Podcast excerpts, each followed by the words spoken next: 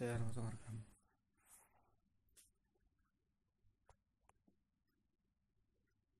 Taubah itu surat berapa? Sembilan.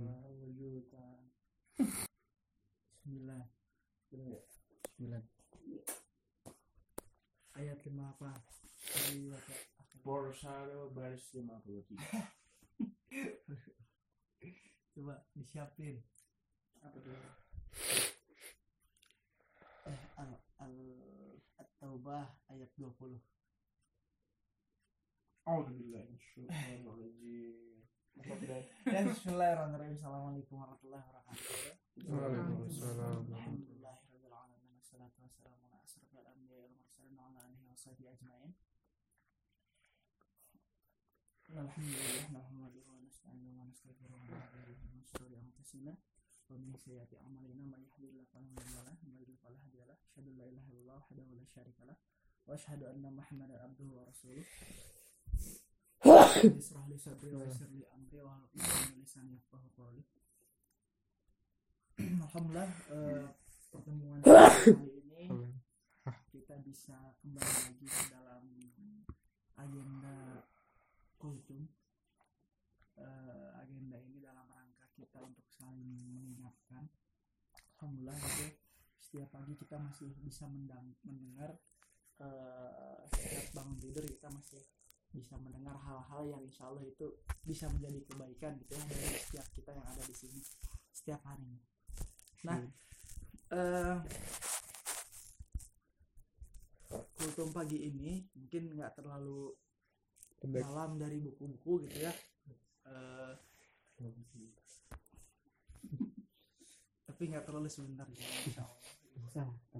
Nah, Em, mungkin agak sedikit terdengar klise kalau misalnya kita mendengar kata-kata hijrah sekarang ya Eh, atau eh, baru-baru inilah ya. Karena memang gerakan-gerakan hijrah di eh, kota Bandung gerakan hijrah di mana pun itu sekarang lagi ramai gitu ya. Nah jangan sampai karena kita sering mendengar kata-kata hijrah itu ya teman-teman. Jadi eh, terdengar klise dan jadi biasa aja gitu ya. Padahal makna hijrah itu ternyata luar biasa. Em, kita bisa belajar dari eh, apa namanya kisah-kisah perjalanan ya insya Allah nanti saya akan coba sampaikan. Yang banyak sekali kisah-kisah perjalanan tersebut terinspirasi dari kisah hijrahnya Rasulullah SAW gitu ya serta rombongan dari Mekah ke Madinah. Nah da- dari sana ternyata dimulai itu. Kisah hijrah hijrah eh, orang-orang Islam baik itu hijrah untuk penaklukan menegakkan Islam baik hijrah itu menegakkan ilmu eh, mencari ilmu gitu ya mendapatkan ilmu dan untuk mendapatkan pahala-pahala kebaikan dan lainnya nah em, saya bacakan apa namanya ayat dan salah satu hadis yang tentang hijrah. Silahkan ada yang oh, bisa baca Al-Quran. Eh buka-buka. Nggak ada artinya kok ya. ini ada ini artinya aja. Ya nggak ada. apa nah maksudnya di ini dibaca Al-Qurannya biar hmm. kita terdengar ya. apa apa? Surat atau bah ayat 20 A'udzu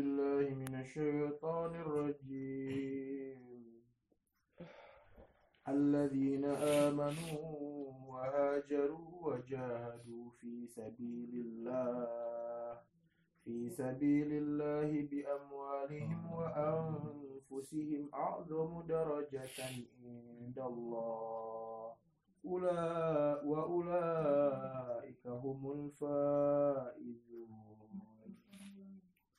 Suaranya. artinya ya eh, orang-orang yang beriman dan berhijrah serta berjihad di jalan Allah dengan harta, benda dan diri mereka adalah lebih tinggi derajatnya di sisi Allah dan itulah orang-orang yang mendapat kemenangan. Eh, dibuka lagi Mas Yajid surat Al-Hajj ayat 58. Surat Al-Hajj ayat ke-58. أعوذ بالله من الشيطان الرجيم. الحاج شو بابك الحاج الحفيش مساء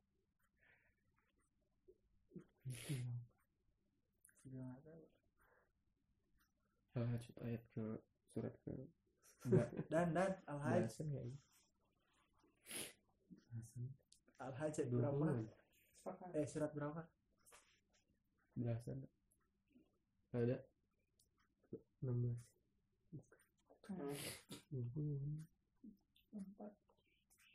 A'udzu billahi minasyaitonir sementara tangannya masih mencari Oh. Asli. terus saya di Google Al Wak. A'udzu billahi minasyaitonir rajim. والذين هاجروا في سبيل الله ثم قتلوا أو ماتوا أو ماتوا ليرزقنهم الله رزقا حسنا وإن الله لهو خير الرازقين artinya ya dan orang-orang yang berhijrah di jalan Allah kemudian mereka dibunuh atau mati benar-benar Allah akan memberikan kepada mereka rezeki yang baik surga dan sesungguhnya Allah adalah sebaik-baik pemberi rezeki surat Al-Hajj ayat 58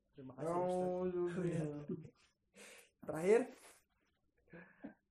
surat Al-Mulk ayat 15 itu nggak bercanda tuh eh benar serius terakhir apa benar Al-Mulk 15 أعوذ بالله من الشيطان الرجيم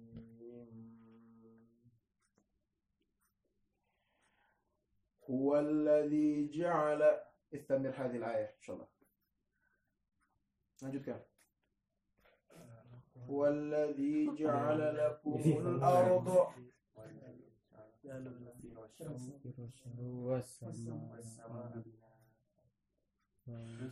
أعوذ بالله من الشيطان الرجيم. هو الذي جعل لكم الأرض ذلولا فامشوا في مناكبها. مناكبها وكلوا من رزقه وإليه النشور Dan dialah yang menjadikan bumi itu mudah bagi kamu, maka berjalanlah di segala penjurunya. Dan makanlah sebahagian dari rezekinya, dan hanya kepadanya lah kamu kembali setelah dibangkitkan. Terima kasih Ustaz. Ayat eh, Al-Mulk. Udah, udah. Al-Mulk ayat 15. Penulisan kiai. Nah, eh sering saya menyampaikan ini ya eh, perkataannya Bang Andrea Hirata nih dari bukunya Padang Bulan. Dia bilang banyak sekali nasihat. Bukan dia yang bilang sih. Salah satu guru ngaji, guru ngaji yang ada di eh, novel Padang Bulan tersebut menyampaikan kepada muridnya. Banyak sekali nasib orang itu berubah lantaran karena sebuah pertemuan. Jadi eh, kita khususnya orang muslim ini disarankan untuk bertemu dengan banyak orang ya. Disarankan untuk mendatangi banyak tempat agar nasib kita bisa berubah ke arah yang lebih baik. Nah, termasuk em, setelah eh, kisah yang fundamental yang Rasulullah dan beserta umat Islam lakukan berhijrah ke Madinah itu menginspirasi banyak orang. Tidak hanya eh, apa namanya orang ya teman-teman, kita bisa mengambil cerita hijrah nanti dari hewan gitu yang kemarin saya ceritakan. Nah, em, ada seorang ilmuwan, eh, seorang pemikir juga, seorang traveler gitu ya. Kalau sekarang, kalau sekarang mungkin ramainya eh, traveler traveler itu di Instagram ya Versa Besari gitu ya. Terus eh kalau zaman dulu ada Vasco da Gama, Marco Polo, terus siapa lagi? Em, dan lain-lain ya. Nah, eh kalau sekarang mungkin eh apa namanya di media sosial banyak bertebaran ya. Jadi dia-dia yang seorang traveler, vlogger gitu ya, perjalanan perjalanan perjalanan gitu. Nah, ternyata Muslim pun, Islam pun mempunyai eh, apa namanya seorang traveler ulung gitu ya. yang kisahnya fenomenal tuh dia berhijrah ini uh, ceritanya tentang hijrahan tadi yang disebutkan oleh Ah Jamal ya tentang uh, Ibnu Batuta nah harusnya dikasih hadiah deh Ini udah baca duluan nih. Nah. Kapan tuh? Ibnu Batuta itu uh, beliau melakukan perjalanan pertama kali ke Mekah gitu ya, dan uh, dari Maroko di Afrika Utara beliau adalah bangsa barbar gitu ya bangsa barbar itu bangsa suku yang ada di daerah Afrika Utara beliau lahir 14 eh 1303 atau 04 gitu ya uh, melakukan perjalanan pertama kali ke Mekah dan ke Madinah nah ada hal-hal unik di sini gitu ya. Nah, beliau melakukan perjalanan itu di usia 21 tahun, teman-teman. Dan hal yang paling fenomenal adalah setelah melakukan uh, setelah berhaji gitu ya, melakukan perjalanan di ke Mekah, Ibnu Batutah tidak pulang. Dia melakukan perjalanan kurang lebih berapa tahun? 30 tahun.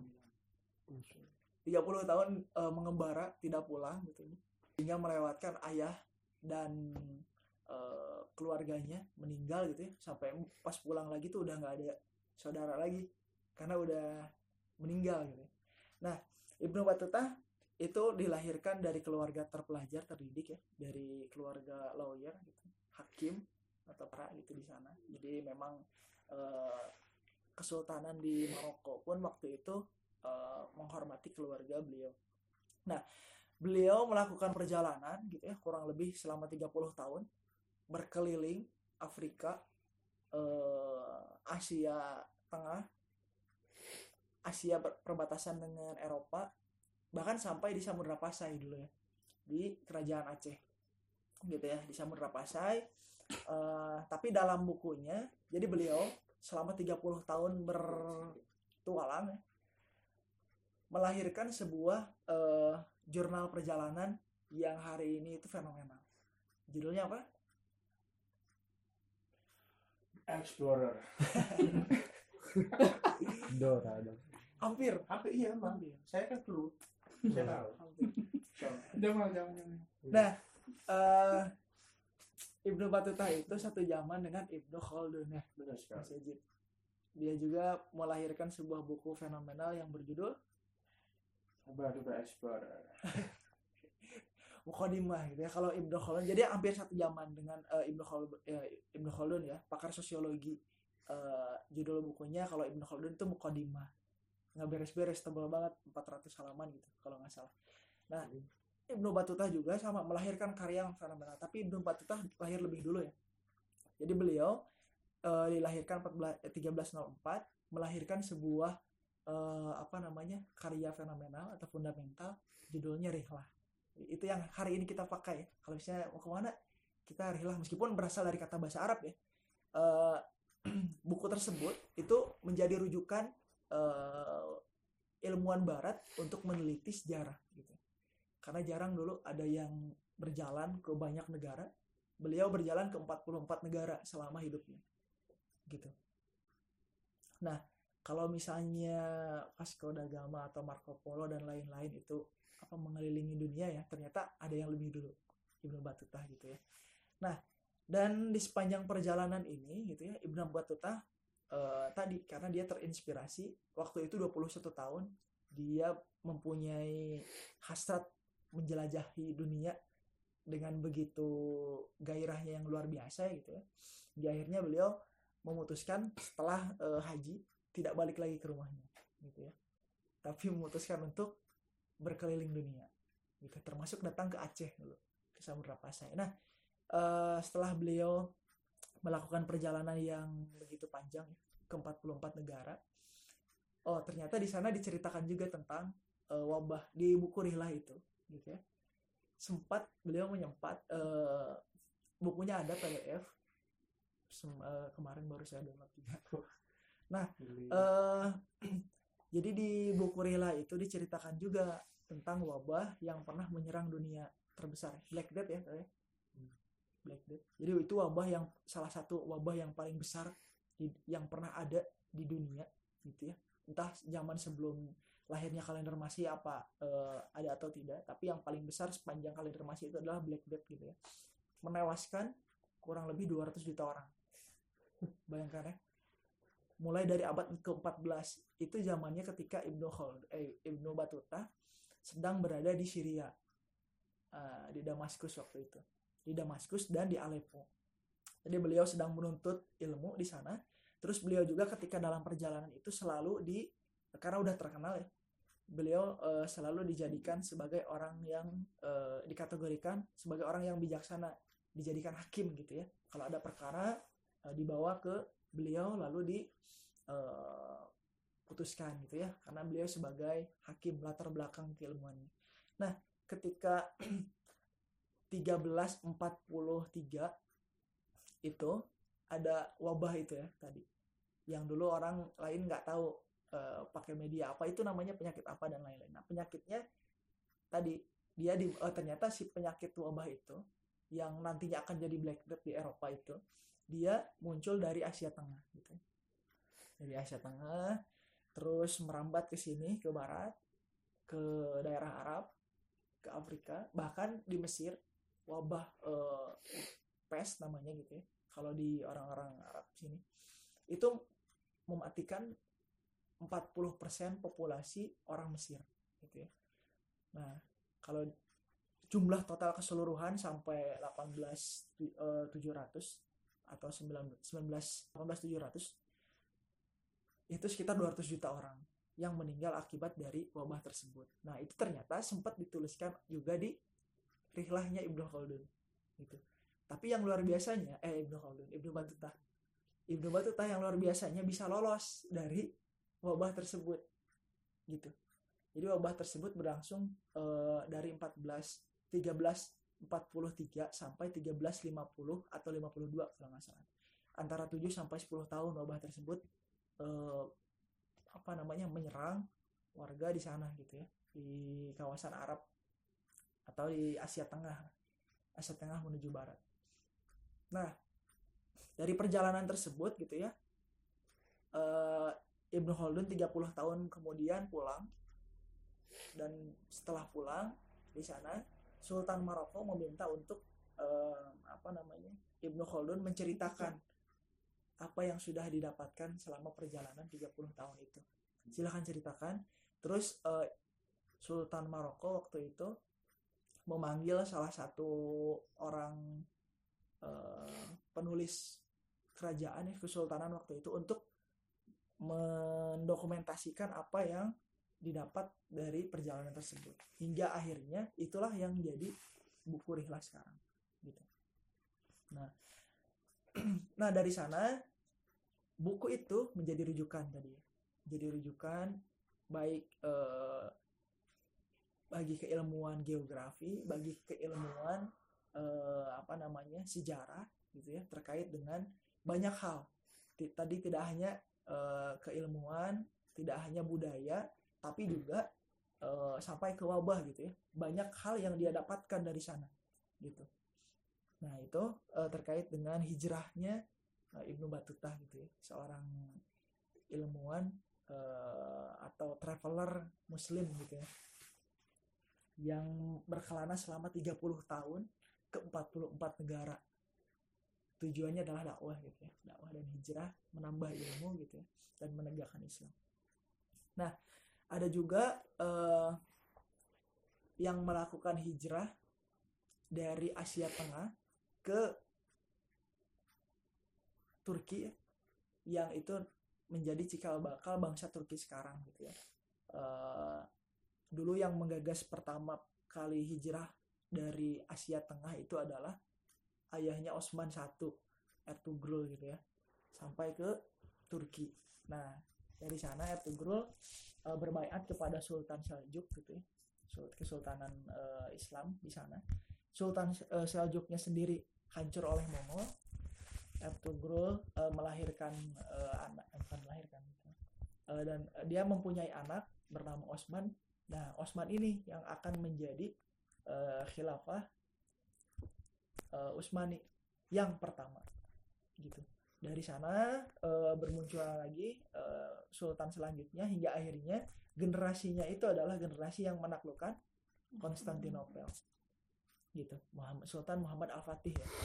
Uh, jadi memang uh, untuk menaklukkan Konstantinopel atau Bizantium dulu adalah cita-cita yang panjang dimulai dari Asia Tengah gitu ya. Nah, cita-cita yang panjang untuk menaklukkan uh, yang disebut ya Romawi kedua ya Romawi kedua. Kan dulu ada Romawi dua ada Konstantinopel atau Bizantium dan uh, Roma di Italia nah uh, itu kisah hijrah yang dilakukan oleh uh, beberapa hal beberapa orang gitu ya. Dan ada lagi yang luar biasa tentang uh, kisah hijrahnya uh, bukan hijrah tuh ya kisah per, uh, perjalanan ya karena life is journey katanya. Jadi perjalanannya ikan salmon. Nah ikan salmon itu luar biasa. Kemarin saya baru baca ya uh, referensi di uh, BBC gitu ya di National Geographic. Ternyata ikan salmon itu uh, adalah tipe ikan ikan yang pertama ikan salah satu ikan yang paling mahal di dunia. Yang keduanya adalah ikan yang uh, mempunyai daya juang yang luar biasa. Bayangkan gitu ya. Dia lahir di hulu hulu sungai lahir dalam keadaan yatim piatu. Gitu ya. Terus uh, setelah umur enam bulan sampai satu tahun dia melakukan perjalanan ke samudra melewati sungai mengikuti arus gitu ya.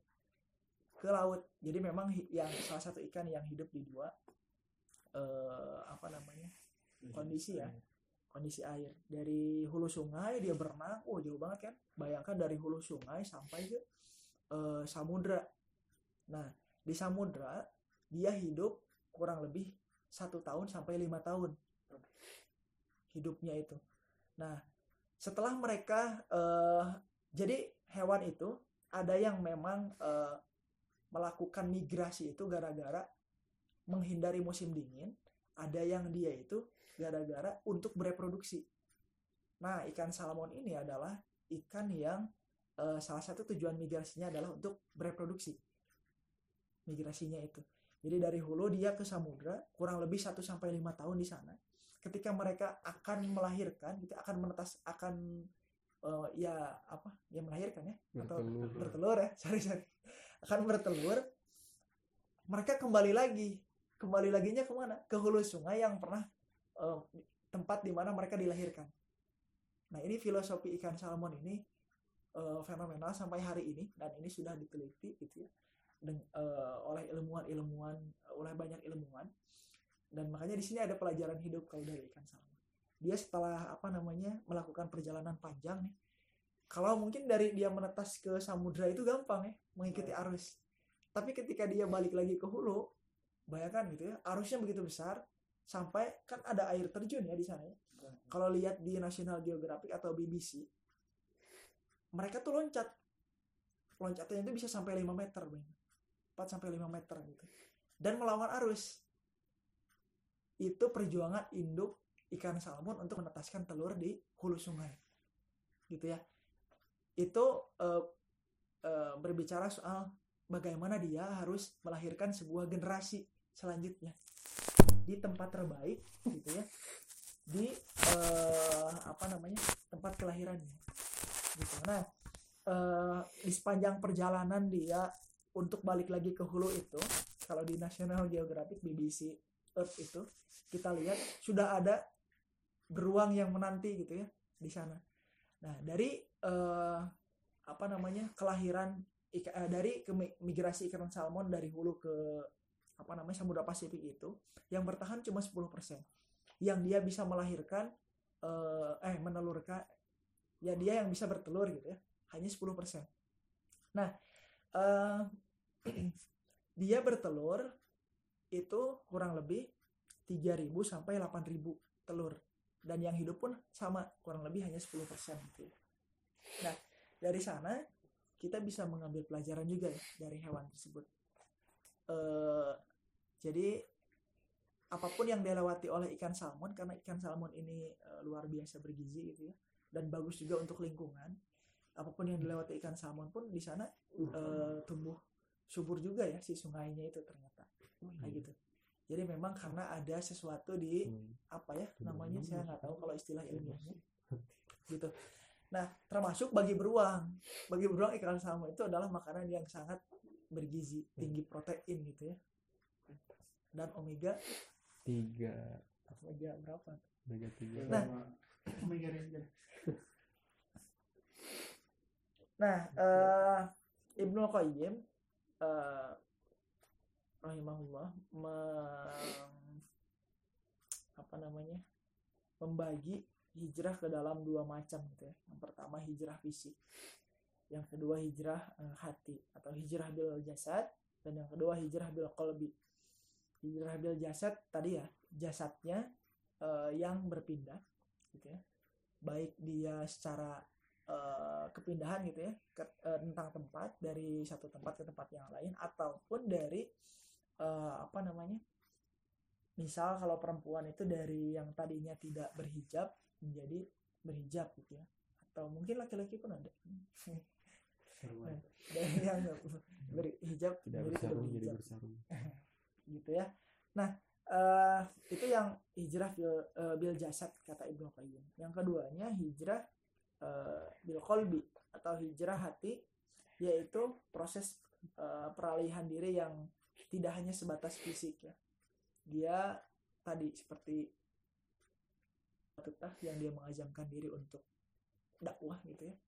Untuk mendapatkan ilmu untuk berdakwah, dia hijrah eh, secara eh, tidak hanya secara jasa tapi secara fisik juga. Nah,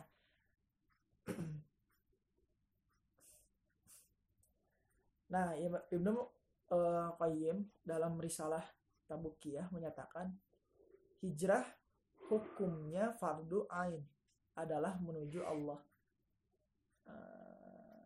Hijrah yang hukumnya fardu ain adalah menuju Allah dan Rasulnya. Tidak hanya berupa jasad, namun juga diikuti dengan hati. Allah berfirman, maka segeralah berlari, maka segeralah dalam tanda kurung berlari, kembali menaati Allah. Azariyat ayat 50.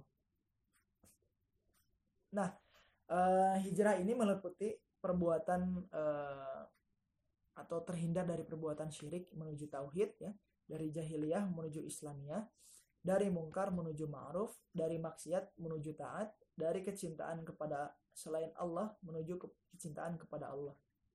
Dan dari takut kepada selain Allah menuju takut eh, berharap eh, kepada eh, Allah, hanya berharap kepada Allah. Dari tunduk kepada selain Allah menuju tunduk kepada eh, Allah. Nah, itu eh, mungkin cerita tentang makna hijrah yang telah ditelurkan atau dikisahkan banyak orang dari keajaiban-keajaiban hijrah itu. Maka hari ini mungkin kita disarankan juga ya untuk selalu mengupgrade niat kita untuk berhijrah. Karena eh, saya pernah pengalaman dulu ya. Pernah gitu ya, pernah membulatkan tekad untuk berhijrah datang ke kota ini gitu ya. Eh, meskipun ada kepahitan-kepahitan yang datang waktu itu gitu ya ketika ingin tes eh, ke PTN dan tidak lolos gitu ya. Tapi karena memang niatnya untuk hijrah gitu ya eh, dulu sempat baca bukunya Ustadz Solehin Abu Izzuddin yang to Win. Nah dari sana eh, ada cerita tentang hijrah dan mengazamkan untuk Bismillah hijrah ke Bandung.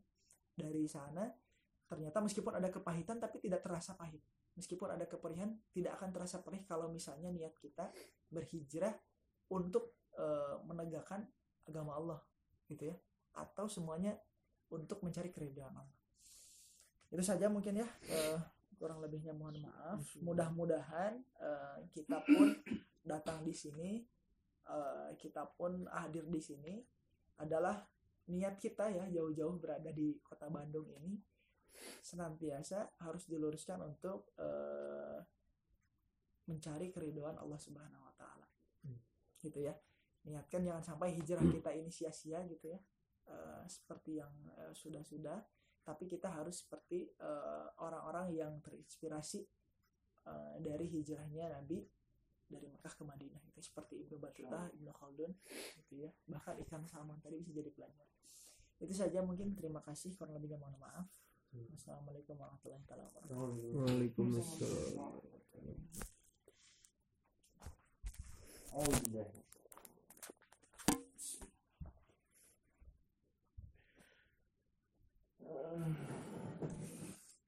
Kira yang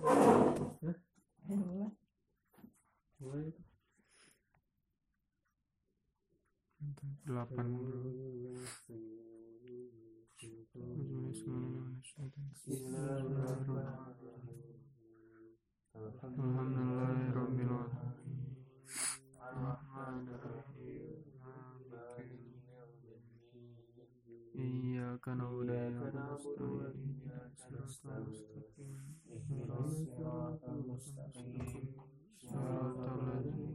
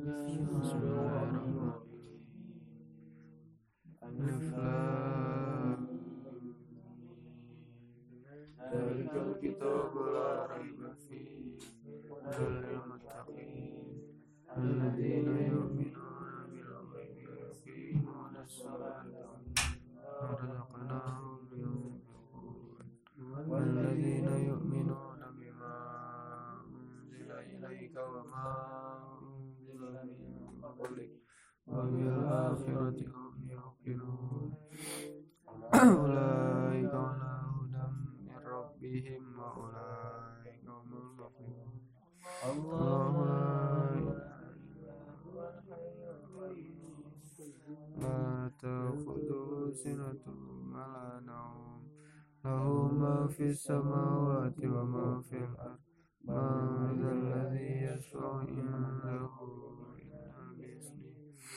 يعلم ما بين أيديهم وما خلفهم ولا يحيطون بشيء من علمه إلا بما شاء.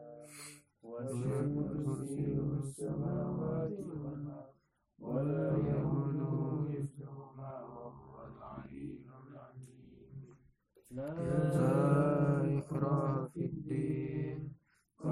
تبين الرشد من الغي فمن يكفر بالطاغوت ويؤمن بالله فقد استمسك بالعروة الوثقى لا انفصام لها والله سميع عليم الله ولي الذين آمنوا يخرجهم من الظلمات إلى النور